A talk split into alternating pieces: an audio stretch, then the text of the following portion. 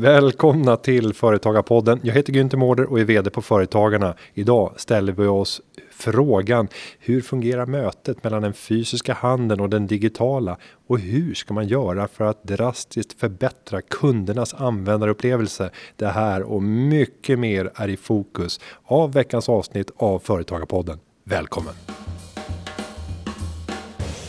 Vi säger varmt välkommen till Amer Mohammed. Han är sedan oktober 2019 chef för Coops nya enhet Digital eller kanske Digital. En gedigen erfarenhet har han som egenföretagare. Amer har tidigare arbetat med digital utveckling och innovation på Capgemini och Stena Line. Före det så drev han flera företag och har en bakgrund som programmerare. Han utvecklade bland annat appen Healthy Heroes som belönades med Guldmobilen. Nu gästar han Företagarpodden för att dela med sig av sina främsta tips till alla som lyssnar. Välkommen Amer! Tack så mycket, sjukt kul att vara här. Hur kändes det med presentationen? Var den rimlig? Fick du eh, lite rodnader på kinden när man får höra. Ja, det, det låter inte som jag, men eh, den det lät ju lite glorifierad måste jag säga. Alltså jag har ändå kraschat en del bolag och lyckats sälja något och sånt där, så det har inte varit helt eh, smooth. Nej, men det där kanske vi kan komma in på också. Ja. Hur gör man för eh, att leva upp till det här som alla pratade om i alla fall för några år sedan i Silicon Valley?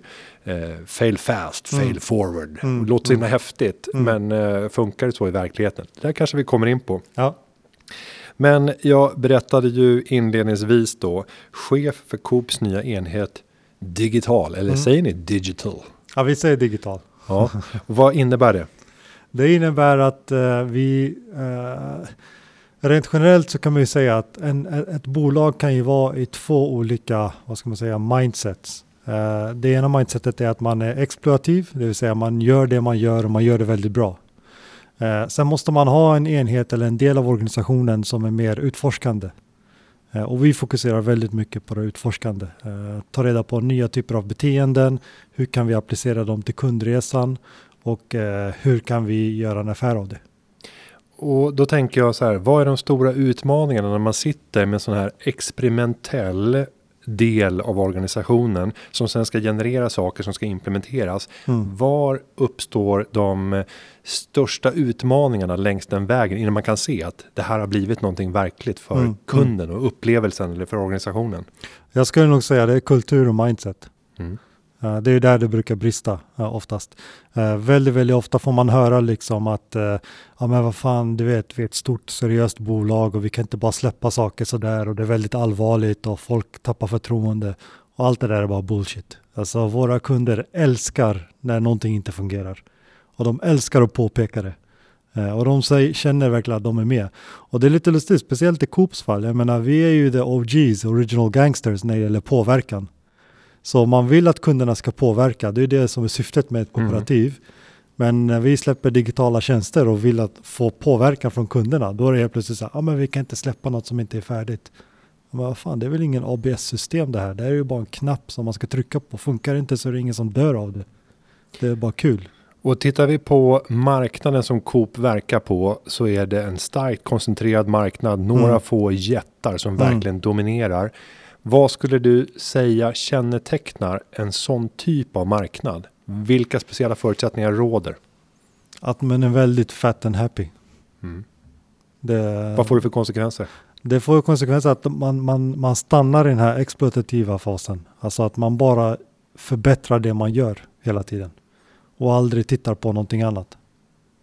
Och det måste ju vara förödande potentiellt på sikt. Mm. Det är det ju garanterat. Allt som inte växer och utvecklas i takt med ekonomin kommer mm. snart att bli obsolet. Ja, och, inte, och beteenden och trender ja. och teknik liksom. Det, är ju, uh, det måste man förstå.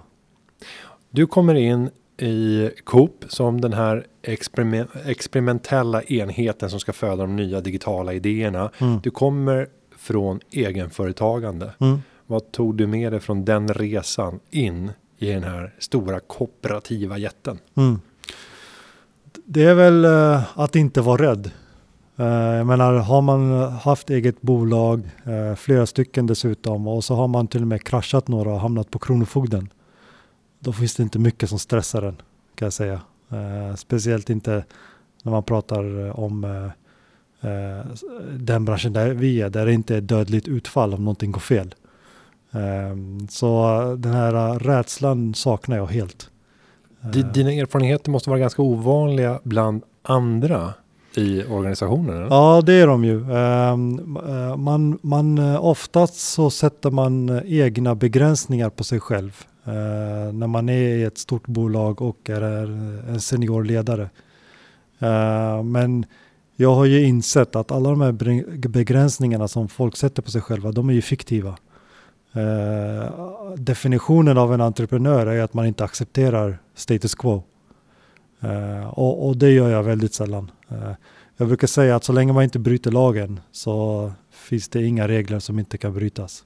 Och allt som är lagligt är ju inte heller eh, lämpligt. Jag kommer ju själv från finanssektorn och en innovativ aktör i Nordnet då som mm. bland annat födde den moderna typen av kapitalförsäkring. Den mm. var inte menad att se dagens ljus. Man såg ett kryphål i försäkringslagstiftningen där man kunde skapa en liknande aktiedepå mm. men med en helt annan beskattning som plötsligt gjorde att det var en fjärdedel så mycket i skatt och det var lagligt. Men det var inte lagstiftarens intention. Mm. Hur tänker du som innovatör när det gäller att så här, tänja på mm. vad som är lagstiftarens intention? Lagligt, lämpligt? Mm. Jag, jag, jag, brukar, jag brukar alltid tänka på en, eh, en kommentar som Steve Jobs fällde en gång när de pratade om privacy integrity eh, när iPhonen kom ut. Och det går egentligen att sammanfatta med, med en enda mening och det är Don't be assholes. Mm. Eller alltså som det, Google, Don't be evil. Don't be evil. Ja, nu är de ju lite evil det. i och för sig. Men, men alltså vi, vi, vi, vi har det som mantra liksom att eh, visst, eh, om vi tar till exempel det här med dataintegritet. Eh, visst, kunden har en gång för länge sedan godkänt ett 72-sidigt avtal. Men det spelar ingen roll. Kommer vi på någonting nytt och vi vill använda datat, då säger vi till och mm. frågar, är det okej? Okay? Så don't be assholes. Det, liksom, man kommer långt med det. Och hur man ska säga det också. För det är en sak som du säger då. Att säga det i ett avtal mm. på 73 sidan. Ja, där man bara scrollar igenom. Så här, vill du snabbt gå till botten av, avtalet. ja. så här, en uppdatering av iOS. Mm. Om man skulle sätta sig ner och läsa det avtalet. Mm. Mm. Jag menar, du skulle vara död innan du har ja, läst igenom avtalet. Och ändå inte förstått det. Ja. Eh, vilket ansvar vilar på ett företag när det gäller just förhållandet och när du tittar på avtal mm. som man skriver med mm. kunder. För man mm. kan ju friskriva sig från det mesta. Och liksom. Mm. ja, jag, jag, skulle säga personligen så jobbar vi efter att uh, det ska vara fullständigt ansvar. Uh, och jag menar, vi vill ju att folk ska lita på oss, uh, speciellt vi som är ett kooperativ.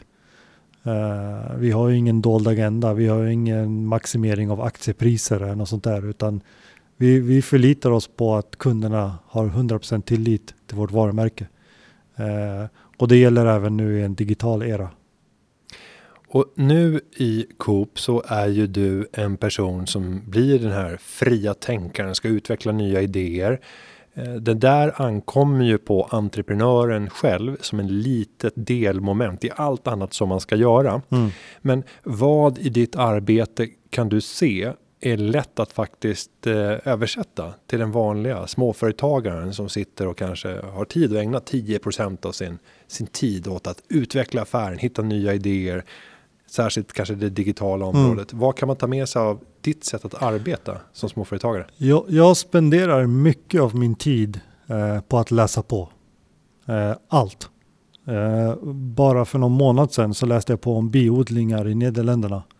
Eh, varför? Pff Ingen aning, men man vet aldrig. Eh, kreativ, folk brukar säga så här, ja men du är jävligt kreativ. Ja, det är inte det det handlar om. Det handlar om att jag läser mycket och varje gång jag läser någonting så skapas en punkt i min hjärna. Och när man har tillräckligt med punkter, då börjar man koppla ihop vissa av dem som inte var tänkta att kopplas ihop. Så jag, jag uppfinner ju inget. Jag bara tar befintliga saker, någonting som dök upp i Singapore och så var det någonting som testades i Chile och så var det någon forskare i Ryssland som hade släppt någon cool algoritm. Och till slut började man så göra kopplingar. Ja, men vänta, om jag tar den där algoritmen och applicerar den på den där biodlingen, då kan vi, få, kan vi nog predikta beteenden som inte vi har tänkt på innan. Det är, det är typ det man gör. Och det är jävligt lätt att göra det. Alltså att spendera, jag spenderar ungefär två timmar av min tid per dag på att läsa artiklar, white papers, eh, forskningsrapporter, eh, bloggar, om allt, inte bara min egen bransch. Eh, det kan vara bilbransch, det kan vara turist, det kan vara biodlingar, det kan vara... Jag läste någonting om hur Amazon löste robotarna i ett lager genom att analysera myror och hur de rör sig. Så det är massa sånt där. Eh. Men, men om vi tar det som exempel. Det du beskriver nu, det är ju en extrem form av nyfikenhet. Eh, nyfiken på att få lära sig nytt, Ja. ta del av kunskaper som breddar perspektiven. mm, För den här småföretagaren då som har häcken full. Man får inte tiden att räcka till ens idag. Man har dåligt samvete i förhållande till Mm. familjen. Ännu mer i förhållande till vännerna som man aldrig träffar. Mm. Och så tycker man att man missar grejer i sitt företagande. Är det ändå värt att prioritera? Det beror på vad ens syfte är. Jag menar, är man ute efter att ha ett levebrödsbolag, ja då behöver man ju inte lägga ner den tiden. Men är man ute efter ett eh, skala-bolag, eh, då måste man ju offra sig. Eh, så är det ju bara. Och vad är kännetecknen för de bolag som kan skala upp verksamheten och börja växa närmast exponentiellt? Vad Mm. ser du för kännetecken som kanske förenar de här typen av bolag? Det är ju att de erbjuder ett extremt mervärde till kund. Alltså någonting som de inte ens visste att de behövde. Eh, som typ Spotify och de här. De, jag menar, eh, det var ingen... Skulle du fråga gemene man 2000, eh, 2007 eller 2008, vad vill du ha? Större hårddisk? Större hårddisk, precis. Eh, det, så, så det ska vara, det är sådana saker som kännetecknar så här extremt värde. Mm. Jag minns ju det där ögonblicket, för jag var ju en sån där riktig hård, det kanske du också var, ja. hårddiskbygge. Jag hade ju ett rack hemma, där hade jag byggt upp de här och sen så hade jag, eh, så att jag kunde fjärrstyra dem. Mm. En, en Bubba 2 hette de, mm, fantastiska. Eh, men för mig så blev det ju närmast en så här chock när man insåg att allt det här som jag har skapat, det är värt precis noll. Eh, och jag var så stolt över de här biblioteken som jag hade byggt upp Ja, först ja. med, med hjälp av, ja, vad hette de där, DC++ va? ja, som man laddar ner med. Ja, och sen ja. var det Kassa, men det var inte lika bra. Sen Mm. var det Pirate Bay, nu, nu är Mm. det preskriberat. Eh, don't go there. Eh, men jag var väldigt stolt över det där. Mm. Och man kunde visa upp den här hårddisken. Det här, här finns det 4000 filmer. På Ja. det här. Idag får du plats på det med ett frimärke liksom. Ja, Det, Jag inte, du behöver inte ens ha det.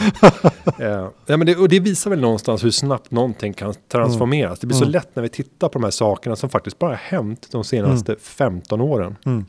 Vad skulle du säga är den mest dramatiska förändringen som du har observerat om vi sträcker oss tillbaka till här, 2005 ungefär, ungefär fram, Mm. fram till idag. Mm. Vad har varit the game changer? Ja, jag skulle nog säga smartphonen. Mm. Alltså det har ju varit någonting som nu ska, och speciellt när man läser de här patenten som Apple lämnar in allt, allt mer. Jag, jag är, ja, som sagt, eh, du nämnde ju det, jag är extremt nyfiken om mig. Så jag sitter och läser så här patentansökningar och sånt, tycker det är kul. Men ibland kan man snappa upp, nu låter det som att jag är väldigt smart, det är jag inte. Jag läser sammanfattningarna. Så jag går inte in i detaljer för jag fattar inte det. Uh, men när man läser de här patenten då inser man hur, hur mycket mer och mer den här plattformen som är mobilen då eh, utvecklas och, och gör saker och påverkar ens liv så pass mycket. Nu läste jag om att de kommer lösa det här med ID-handlingar till exempel. Så att iPhonen blir en godkänd eh, ID-handling. Mm. Eh, och det var massa roliga lösningar där. Eh, tittar man på eh, ljuset i mobilen, den här lampan som man brukar sätta på ficklampan. Nu sitter de och testar lysdioder som kan analysera blodvärden genom huden. Uh, och det är bara en annan typ av lysdiod då som, uh, som studsar i ljuset annorlunda eller något sånt där. Uh, och, och då blir det helt plötsligt en, ett medicinskt labb, den här mobilen. Så det, det har definitivt förändrat, alltså inte bara samhället, det har förändrat beteenden. Eh, den kommer hjälpa oss i vår biologi och den, den har även skapat ekonomier som var helt otänkbara förut. Och, och jag tänker på den här smarta telefonen och vad, vi, vad vi har för enhet vid sidan av. Jag sitter med min padda här vid sidan av och sen har jag min bärbara dator med mig. Mm. Jag ser ju ett eh, stort hot för den bärbara datorn. Idag, Mm. jag, jag är ju inte en Apple-fanatiker Nej. utan är på Android-sidan. Vem, Mm. vem är du? Jag är Apple. Du är Apple. Men det är ju skitsamma, det är ju mobila devices som är poängen här. Men, men skillnaden här är väl ändå att när jag pluggar in min eh, Android-enhet Mm. till en skärm via USB-C och Mm. med tangentbord kopplat. Mm. Det är en full dator. Mm. Det funkar precis som Mm. datorn. Mm. Och, och, när jag gjorde det första gången för några år sedan så fick jag verkligen en sån här ögonöppnare där. Men vänta nu, det här kommer göra att jag kommer inte ha någon bärbar dator. Det är nästa enhet att försvinna. Och det är självklart att det kommer vara mobilen. Mm. Sen exakt hur den kommer vara utformad, om den kommer vara större mm. än idag. Men jag kommer jobba med skärmar och externa tangentbord och liknande teknik för att, för att skapa en bättre användarupplevelse. Men mm. datorn ser jag som helt passé mm, nästan. Mm. Men vi använder det för att vi har den. Mm. Delar du den bilden? Ja, definitivt. Och jag tror ju att fler och fler saker, till exempel mobiler och sånt där, det kommer ju flytta in i kroppen. Det Skrämmande. Ja, jag tycker det är coolt. Alltså, ja. tänk dig själv att kunna titta på en byggnad och bara få upp information i synfältet. Eller förstå om man hinner gå över gatan eller inte. Eller um, säga att jag brukar ju skoja med, uh, internt då, med uh, smarta inköpslistor som är kopplade till din uh, Apple Health. Mm. Så uh, kopplar vi Health då och ser att du precis har joggat, ja, då får vi lägga till och byta ut saker i inköpslistan som passar återhämtning av ett joggingpass. Uh, eller om du har det till och med i kroppen, då kan vi ju läsa av din... Värdena, järnbrist, ja. bara du ska, ja, du ska ha det här och du ska. Ja, precis. Ja. Uh, så det tror jag definitivt kommer hända. Ja, det är en en väldigt spännande utveckling, men som jag också tror många tycker är skrämmande. Va, hur tycker du man ska förhålla sig till jag, det? Jag tänker så här, eh, om, någon hade, om någon hade frågat mig för tio år sedan, eller 15 kanske, ge mig, ge mig dina kortnummer. Jag ska stoppa in dem i det här fältet här på den här webbsidan. Mm. Jag hade ju sagt, är du helt galen? Jag hade inte en chans du får mina kortnummer. Idag nu på morgonen så har jag använt kortnumret säkert sex gånger på några jävla hemsidor hit och dit som jag köper grejer. Och det är för att det är så enormt bekvämt. Mm. Så jag tror att så länge du erbjuder bekvämlighet och värde, då, då blir det naturligt att man delar med sig av data. Uh, det, det, är liksom, det är inga konstigheter alls. Eh, så det, man, man, man måste förstå att det handlar om att vad får jag tillbaks? Det är sjukt viktigt att man förstår det. Ehm, och tittar man på, nu låter det som eh, jag jobbar för Apple, men när, när, man tittar i, till exempel i Apple Health, och det är säkert samma sak i, i andra plattformar, då ser man ju så här, vissa grafer är tomma. Och jag blir nyfiken, så här, men vad fan är de tomma för? Så jag klickar ju på dem. Och då står det så här, men vi behöver det här datat för att kunna hjälpa mig med det här. Och då tänkte jag, men vad fan, lätt. För jag vill ju ha hjälp med att förbättra konditionen. Eh, så, så man måste så förklara visuellt, vad är det vi gör med din data? Eh, och lite samma approach eh, kommer vi ta på Coop också. Alltså, vi kommer ju fokusera kring data och hur du konsumerar och sånt där. Eh, men vi kommer inte börja använda det datat om inte du har sagt okej okay till det. Även om du har godkänt ett 72-sidigt avtal så spelar det ingen roll. Utan vi ska visuellt visa för dig att ja, men det här är vad vi kan göra med det datat. Vill du ha hjälp med det? Och, tar man just en handlare så är det uppenbart att man sitter med en mängd data. Till att mm. börja med så vet man ju exakt vad som har passerat igenom säljkanalen för att mm. det har stämplats in. Ofta så kan man knyta det till en kund för man har ju med mera-kort, heter ja. det fortfarande? Ja, ja jag, vet, jag vet inte om det heter. Coop medlem tror jag det heter. Coop med mera, ja. så heter det förr i tiden i alla fall. Ja. Eh, så du kan ofta koppla köpen till den mm. enskilda individen. På så sätt kan du styra marknadsföring. Mm. Hur duktiga skulle du säga att eh, Coop är på att tillvarata all den data som faktiskt redan finns innan man ens har kanske börjat samla in mm. annan data som man faktiskt mm. kan göra i en butik och runt omkring i samhället då? Mm. Om jag ska vara helt transparent så tror jag att på en skala 1 till 10 så var vi nog på 1 för ett och ett halvt år sedan och nu är vi kanske på 2. Mm. Eh, så vi har enorma möjligheter där på att, att, att erbjuda mer relevanta tjänster. Och vad hoppas du att den data som ni idag besitter och eventuell data som du skulle vilja ha mm. skulle kunna innebära när det kommer till kundupplevelsen och därmed en möjlig affär? Fullständigt relevant eh, kommunikation. Mm. Alltså vi ska, du, kom, du ska aldrig få se något som inte är relevant för dig. Det är vad vi hoppas på. Eh, vi har ju internt så har vi uh, en slogan, relevance in every touchpoint, eller relevans i varje ögonblick. Uh, så det är det vi aspirerar till. Och det är ju ett offensivt mål. Jag tänker i butiken, mm. om man ska leva efter det målet, mm. så ska jag helst av allt inte ens se de produkter mm. Som jag aldrig kan tänka mig att köpa. Mm, Och mm. jag drömmer ju om en sån butiksupplevelse. Sen kan du tänka eh, så här, ja men du kommer inte vara en butik, Mm. du kommer vara digitalt. Mm. Och där kan vi anpassa butiken, det är din butik. Eh, och så kommer vi fresta dig ibland med någonting som vi vet att andra som köper precis de här Mm, grejerna också gillar. Och då kommer din benägenhet att våga testa det här öka. Eh, Hur tänker du kring det fysiska rummet och den fysiska butiken? Vilken roll kommer den spela om vi tittar tio år framåt? Mm. I Storbritannien, där står e-handeln idag för 24 procent av hela Mm, handeln. mm. I Sverige är vi på 14 procent ungefär. Mm. Mm. Vi kommer gå samma väg till mötes. Definitivt. Vi, vi ligger bara Ja, efter. ja. Vad kommer hända med de fysiska butikerna när det gäller dagligvaruhandel? Jag tror att de kommer bli mer, vad ska man kalla dem, inspirationscenter. Eh, de kommer bli mer, eh, eh, om man tittar på, nu får jag nämna Apple igen, men de är duktiga, det, man får ge dem cred. Men tittar man på hur de bygger sina butiker så är de mer en samlingspunkt för likasinnade eller för communityt än vad de är till för att kränga faktiska produkter. Eh, jag tror att när det gäller livsmedelsindustrin så ser jag att vi skulle kunna gå den vägen också. Speciellt när det gäller mat. Folk gillar ju att samlas kring mat. Eh, så jag tror att en butik ska vara mer en samlingspunkt där man kan få lära sig vad sker när man lagar en majonnäs eller vad, hur ska man tänka när man gör X eller när man gör Y eller när man Z. Utbyta erfarenheter, gå en kurs. Eh, det är vad jag tror butikerna ska bli mer till för. Det finns ingen anledning, eh, i alla fall inte om tio år, att gå till en butik och se en hel avdelning med toalettpapper. Jag menar, det ska man bara ha hemma. Mm. Och om vi då tar, går tillbaka till den här frågan om datan som ska möjliggöra, skapa Mm. den här relevansen. Eh, AI är ju på allas läppar. Mm. Om du skulle beskriva hur ni arbetar med AI för att praktiskt visa upp Mm. vad gör AI möjligt? Mm.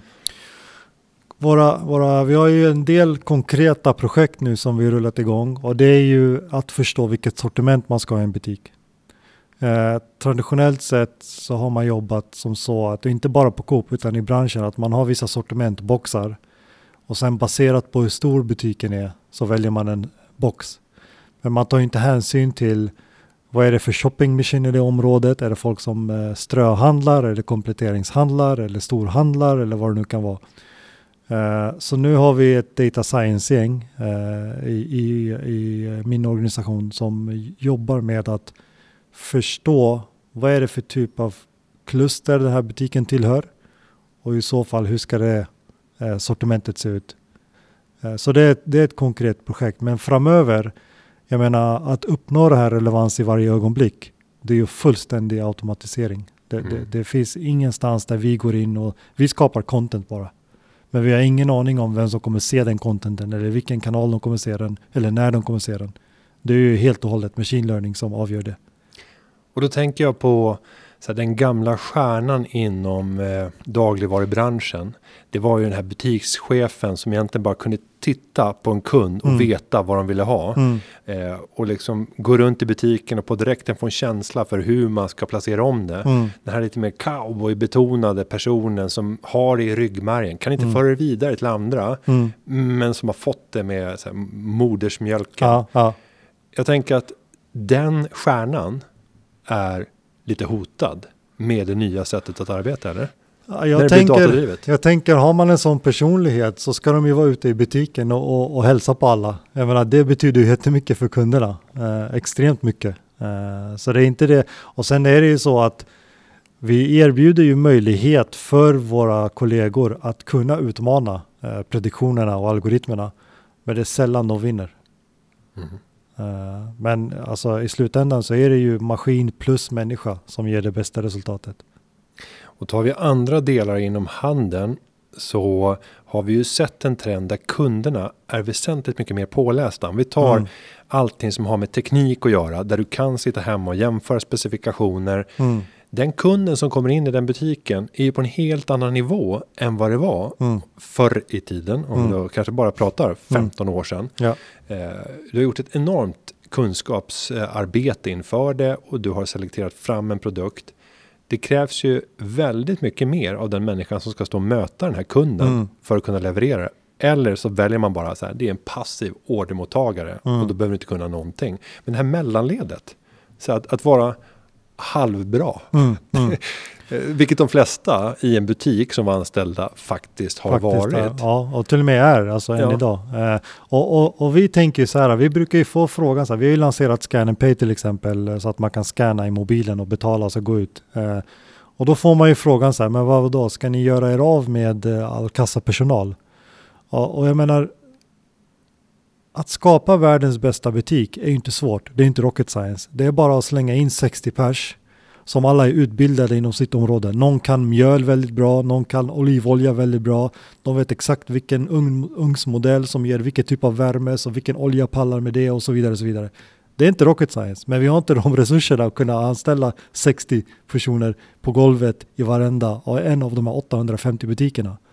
Men om vi kan automatisera sånt som inte behöver göras idag, typ kassaprocesser eller eh, backoffice-processer eller vad det nu kan vara, då kan vi ju ta de här resurserna och lägga dem i kundmötet. Och sen samtidigt skickar de på utbildningar. Ja, du ska lära dig om eh, knäckebröd väldigt bra och sen ska du stå där och så ska du vara sjukt passionerad över knäckebröd. Så när en kund kommer och frågar vilka knäckebröd ska jag ha till vilken ost? Ja, men då ska du ha det här knäckebrödet och det passar med den här osten. Men om du har tränat, då borde du ta det här för då är det lite bättre aminosyror i det och så vidare och så vidare. Klart som fan jag hade kommit tillbaka till den butiken varenda jävla dag. Eh, så vi vet vad som krävs. Och det är som du säger, går man någonstans där man får mycket information, man märker att de är kunniga, då blir man ju lojal. Eh, men det är en resa dit. Vi måste ju automatisera sånt som inte ska göras manuellt så att vi kan skifta fokus och lägga där det spelar roll. Och det är ju kundmötet. Och nu får jag lite så här idéer framför mig. För du pratar om det här communityt, man kommer och blir inspirerad. Mm. Det dyra då, det kommer ju vara människorna som ska finnas på plats. Mm. Och man kommer ju alltid tänka så här, kan vi sortera bort den mänskliga arbetskraften och ersätta det med robotar. Mm. Tänk dig en matlagningsrobot där du har alla ingredienser du behöver färdiguppskurna på det sättet som det ska vara mm. i påsar. Och det finns ju flera leverantörer som jobbar, det kanske mm. Coop också har. Mm. De här färdiga matpåsarna, det är mm. så här, löken är hackad. Ja, precis. Ja, ja. Men där du bara laddar den här roboten som skjuter ut. Eh, så här kom löken, mm. därefter kom kryddorna och bara mm. skjuter ut det. Mm eh, en panna som skakas, mm. det ska stekas upp här mm. och bara kunna visa upp alla de här momenten och sen så finns de här färdiga påsarna. Så ja, det är bara att plocka och här får du provsmaka hur det kommer att vara. Och det är bara att vänta i fem minuter till så kommer det vara en ny omgång där roboten gör en likadan rätt igen. Eh, det skulle ju förändra kalkylen helt och hållet om man inte hade den mänskliga arbetskraftskostnaden. Så, hur mycket skulle man stå beredd att investera för att kunna ha ett robotdrivet provkök i mm. butiken? Kan du här, skatta vad skulle kunna vara ett investeringsbelopp som man kan svälja. Jag alltså, tänker på direkt så här, det är många miljoner. Ja, det är det ju och jag tror att eh, om man tittar åtminstone fram till 2025 så är det mer en, en cool grej att ha mm. eh, i någon flaggskeppsbutik. Eh, så det är inte aktuellt de närmaste åren i alla fall, det tror jag inte. Men, men definitivt 25 och framåt då tror jag att gemene man kommer ha det här i, i hemmet. Det finns ju redan nu robotar som man kan köpa. Eh, vad de gör är att de kopplar upp till exempel Gordon Ramsay med sådana här markers och så mm. lagar han maten och så spelar de in det med en speciell kamera och så spelar roboten upp det. Så det är Gordon Ramsays rörelser som det är två armar som hänger ovanför ett köksbord. Och så börjar den här roboten röra sig exakt så som Gordon Ramsay rör sig. Uh, och det är också en gimmick idag, men det, det tror jag blir en, en naturlig del i köket uh, om fem till tio år. Ja, häftigt. Om vi nu ska gå över och prata det som ska möjliggöra den här förändringen så är det ju de facto det mänskliga ledarskapet. Mm. Vad krävs av ett ledarskap för att kunna få till stånd den fulla kraften i den här utvecklingspotentialen som mm. vi just nu pratar om? Mm. Alltså, man, man måste förstå jag har ju eh, jag har ju tur i och med att jag sitter i koncernledning och så har jag då eh, både mina kollegor i ledningen men även min chef eh, Magnus Johansson som är vd för Coop Sverige. De, de, de vet att det här ska göras. Det, är liksom, det finns ingen diskussion, det måste göras. För det är ingen hemlighet att Coop har ju fått kämpa de senaste 40-50 åren från sin prime time på 50 60 70-talet Eh, nu är ju ICA den dominerande eh, aktören på marknaden. Så nu är det liksom all or nothing. Nu måste vi göra något radikalt eller så får vi ja, sakta dö ut. Det är ju det som kommer hända. Um, och sen har vi då ägare KF som också har gått all in eh, med Marie Nygren i, i spetsen. Eh, där, okej, okay, förändring måste ske. Punkt. Eh, så har man den supporten, då börjar ju Eh, eh, nästa led eh, som man måste bearbeta.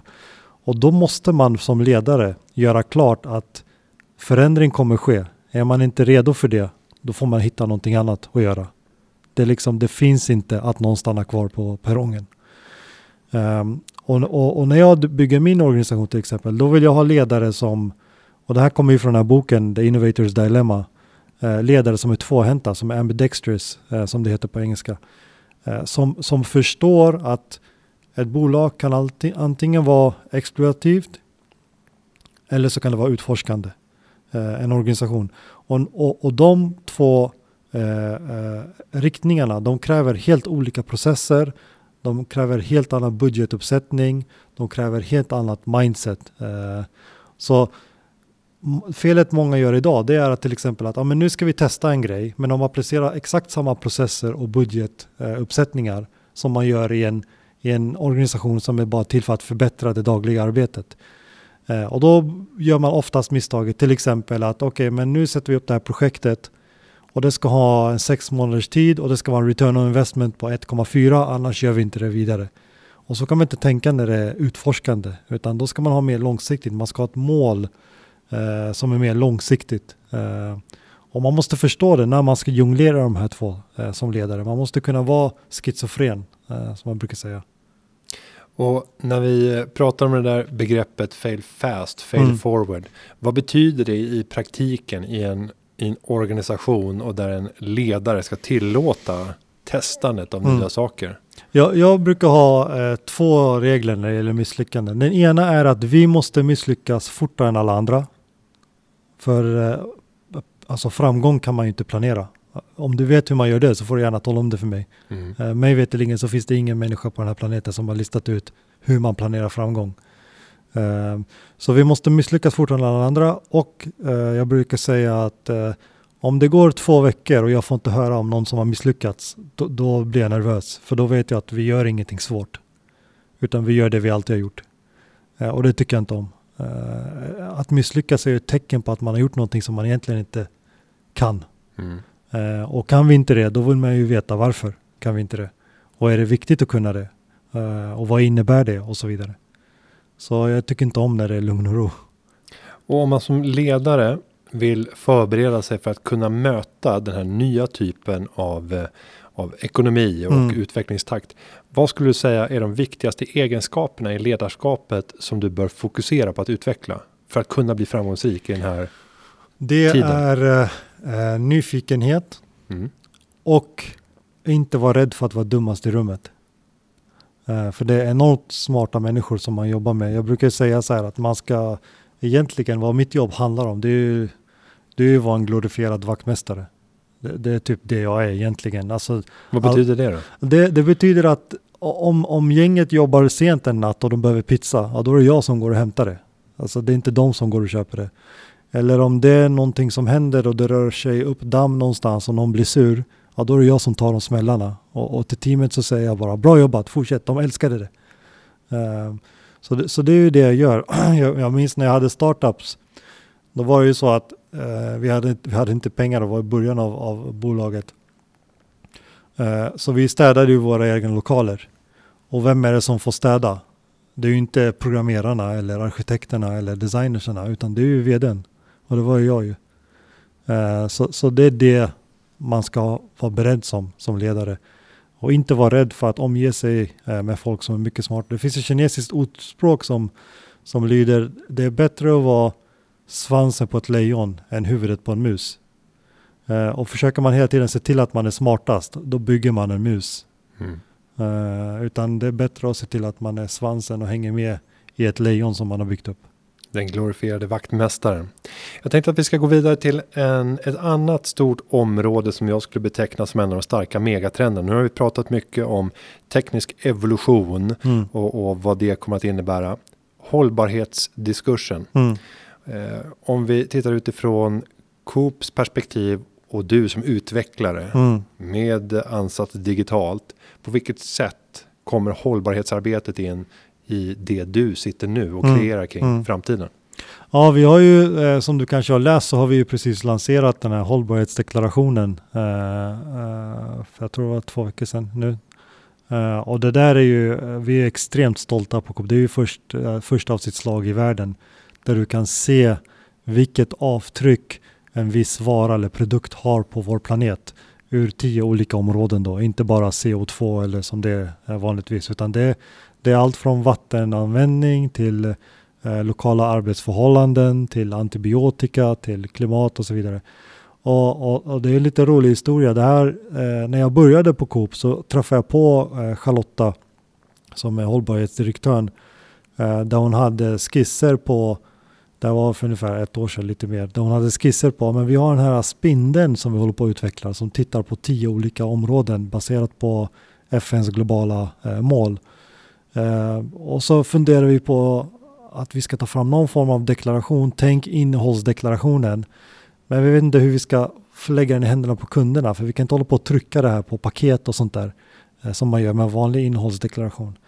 Men då sa jag att, men fan vet du vad vi gör? Låt oss testa någonting där man scannar streckkoden och så kommer det upp digitalt istället och så skiter vi helt i att göra det här fysiskt. Ja, fan kan man göra så? Ja, men vi, vi testar så får vi se. Eh, och så började den resan då och så tog vi fram lite prototyper och vi försökte förklara, få det lättförståeligt. Det var svårt att förstå i början och sånt. Eh, men sen när vi tänkte fan det här, det här kommer flyga ju. Eh, då satte vi igång och började samla in data för alla våra produkter och sånt där. Så det, vi, vi har ju varit eh, såklart väsentliga. Eh, det är ju så det manifesterar sig idag, digitalt och enbart digitalt. Och hur tycker du att man som småföretagare ska närma sig hållbarhetsfrågan? För det är svårt att jämföra med det här stora företaget. Ja, det är det. Hållbarhetschef och anställda på sin hållbarhetsavdelning. Ja, uh, i ärlighetens namn, är man ett litet bolag så är inte hållbarhet det första man tänker på. Uh, utan det är ju att uh, överleva. Mm.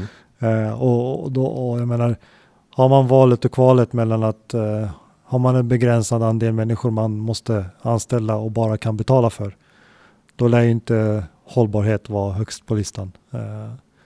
så jag tror att man ska, som liten företagare, även om man ska ha hållbarhet i åtanke och såklart inte bli en asshole, som vi sa i början, så är det ju mycket viktigare att fokusera på att erbjuda ett värde eh, för kunden eh, än att maximera eller minimera hållbarhetsavtrycket. Eh, I alla fall i en första, eh, ett första skede.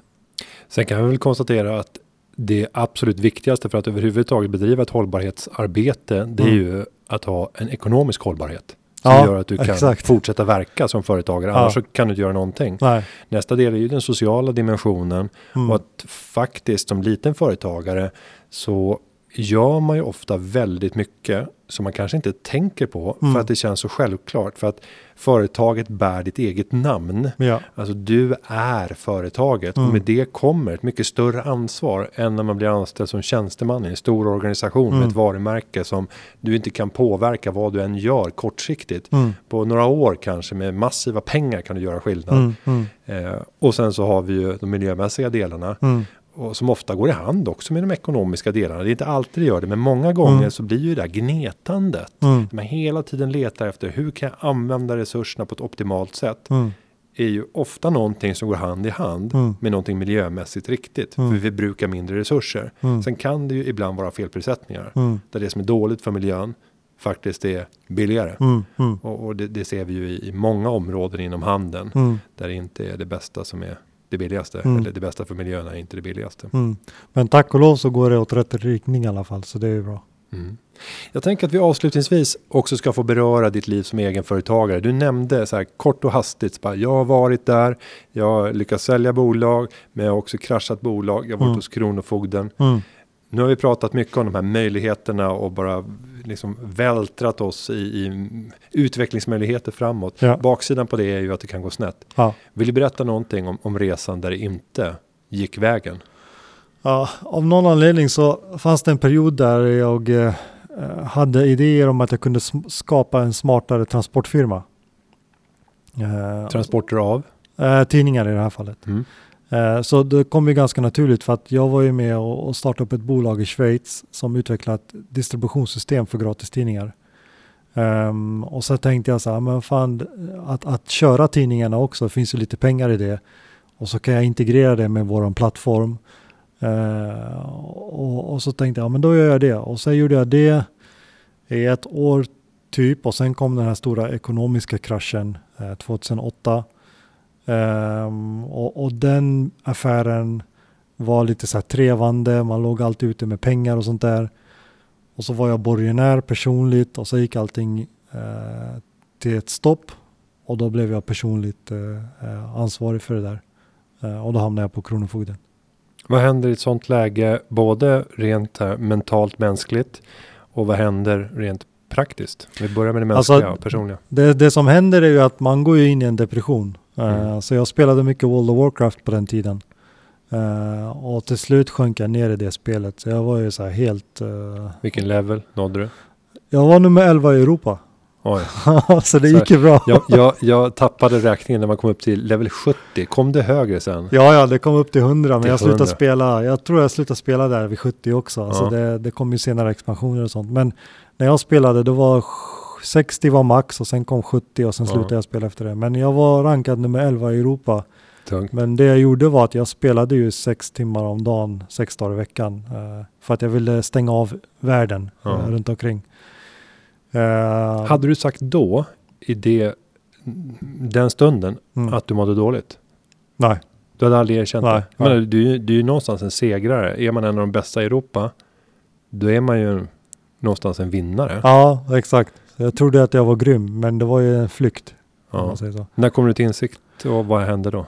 Det var, jag tror det var någonting, det var, min fru är läkare så hon, jag levde ju på henne då. Och eh, sen var det någonting som hände, vi fick någon räkning som vi inte kunde betala och då började jag gråta, då bröt jag ihop bara. Mm. Och tänkte shit, det här måste jag fan, nu får jag ta tag i det här. Eh, och i och med att jag är programmerare i grund och botten så var det inte så svårt att börja konsulta. Så jag började konsulta och så betalade jag av de här skulderna eh, rätt så fort. Det tog bara två år ungefär eller någonting. Mm. Men sen har du en uh, anmärkning som hänger med. Ja, den är ju borta nu tack ja, lov. Men... Så rent praktiskt, hur eh, skapade det här hinder längst, längst vägen? Ja, jag, jag märkte inte av det så mycket. Jag hade en anmärkning som eh, satt kvar i tre år då, men jag betalade av skulderna och sen, ja, jag behövde inte låna pengar eller mm. något sånt där. Jag gjorde ju bra med pengar som konsult och programmerare eh, och senare arkitekt och sånt där. Så gjorde man ju eh, bra pengar. Um, så det var inte alls något, uh, något farligt överhuvudtaget. Och sen kom jag in då på mitt första riktiga jobb. Jag började jobba på, nej, sen startade jag upp Healthy Heroes, så var det. Uh, och det lyckades vi sälja sen. Um, och då tog jag med mig Kronofogdeerfarenheten som en fjäder i hatten. för jag är jävligt stolt över den. speciellt när man pratar med investerare. De vill ju att man ska vara lite märkt. Alltså att man har mm. varit med om saker. Man är inte rädd. Så det var ju en fjäder i hatten. Det gjorde att vi fick pengar sen. Eh, och Amer idag. Kommer du att fortsätta i en så operativ karriär? Har du fått smak för tjänstemannens sötma med bra lön, ja, tjänstebil, ja, pension, arbetsplats att gå till, kontor som städas av andra? Eller kommer det någon gång i framtiden återvända till entreprenörskapet? Ja, vi får se. Jag, investerar i en del bolag här och där. Så skulle det vara så att något av dem flyger eh, och jag, jag, får frågan om jag vill eh, steppa in. Vem vet? Mm.